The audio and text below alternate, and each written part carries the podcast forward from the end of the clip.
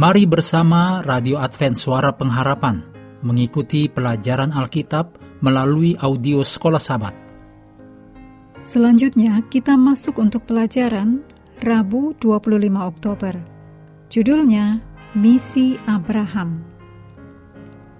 Mari kita mulai dengan doa singkat yang didasarkan dari 1 Yohanes 4 ayat 11. Saudara-saudaraku yang kekasih, jikalau Allah sedemikian mengasihi kita, maka haruslah kita juga saling mengasihi. Amin.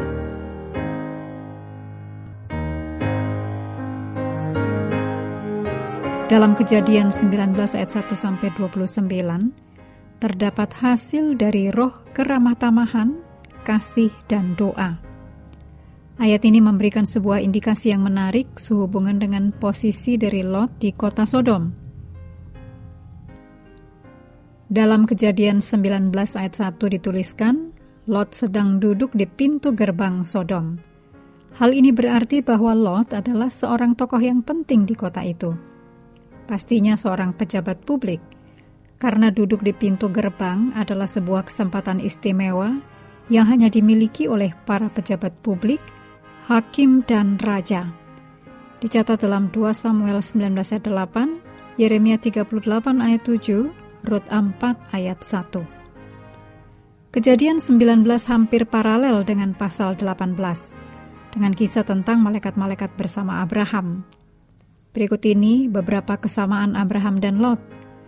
Yang pertama, Abraham dan Lot sama-sama duduk di bagian depan atau di pintu gerbang.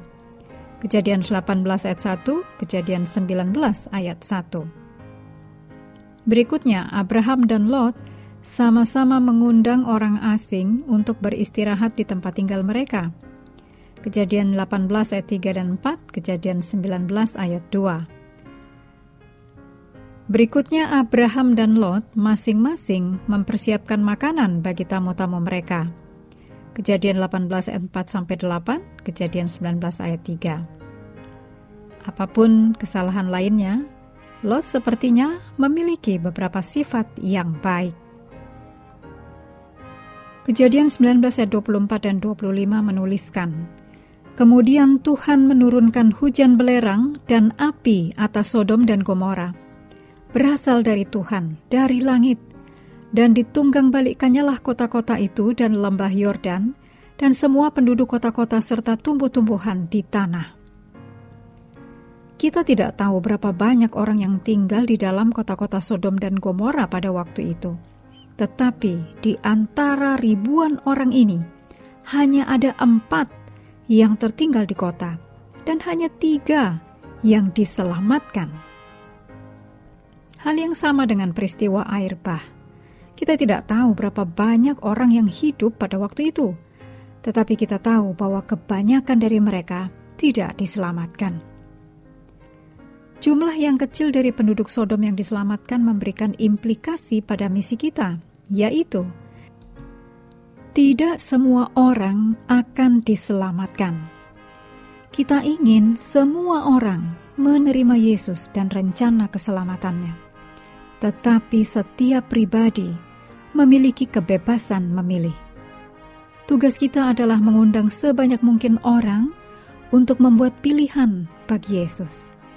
Sementara kita menjalankan misi kita, Allah menolong kita melalui Roh Kudus. Tetapi Allah tidak akan menentang kehendak atau pilihan dari siapa pun.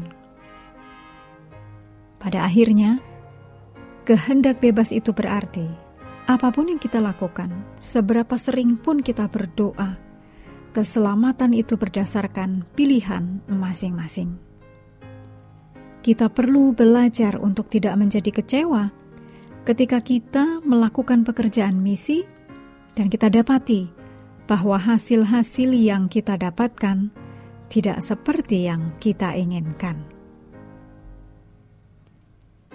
Mengakhiri pelajaran hari ini, Mari kembali ke ayat hafalan dalam Yohanes 13 ayat 34 sampai 35. Aku memberikan perintah baru kepada kamu, yaitu supaya kamu saling mengasihi, sama seperti aku telah mengasihi kamu, demikian pula kamu harus saling mengasihi.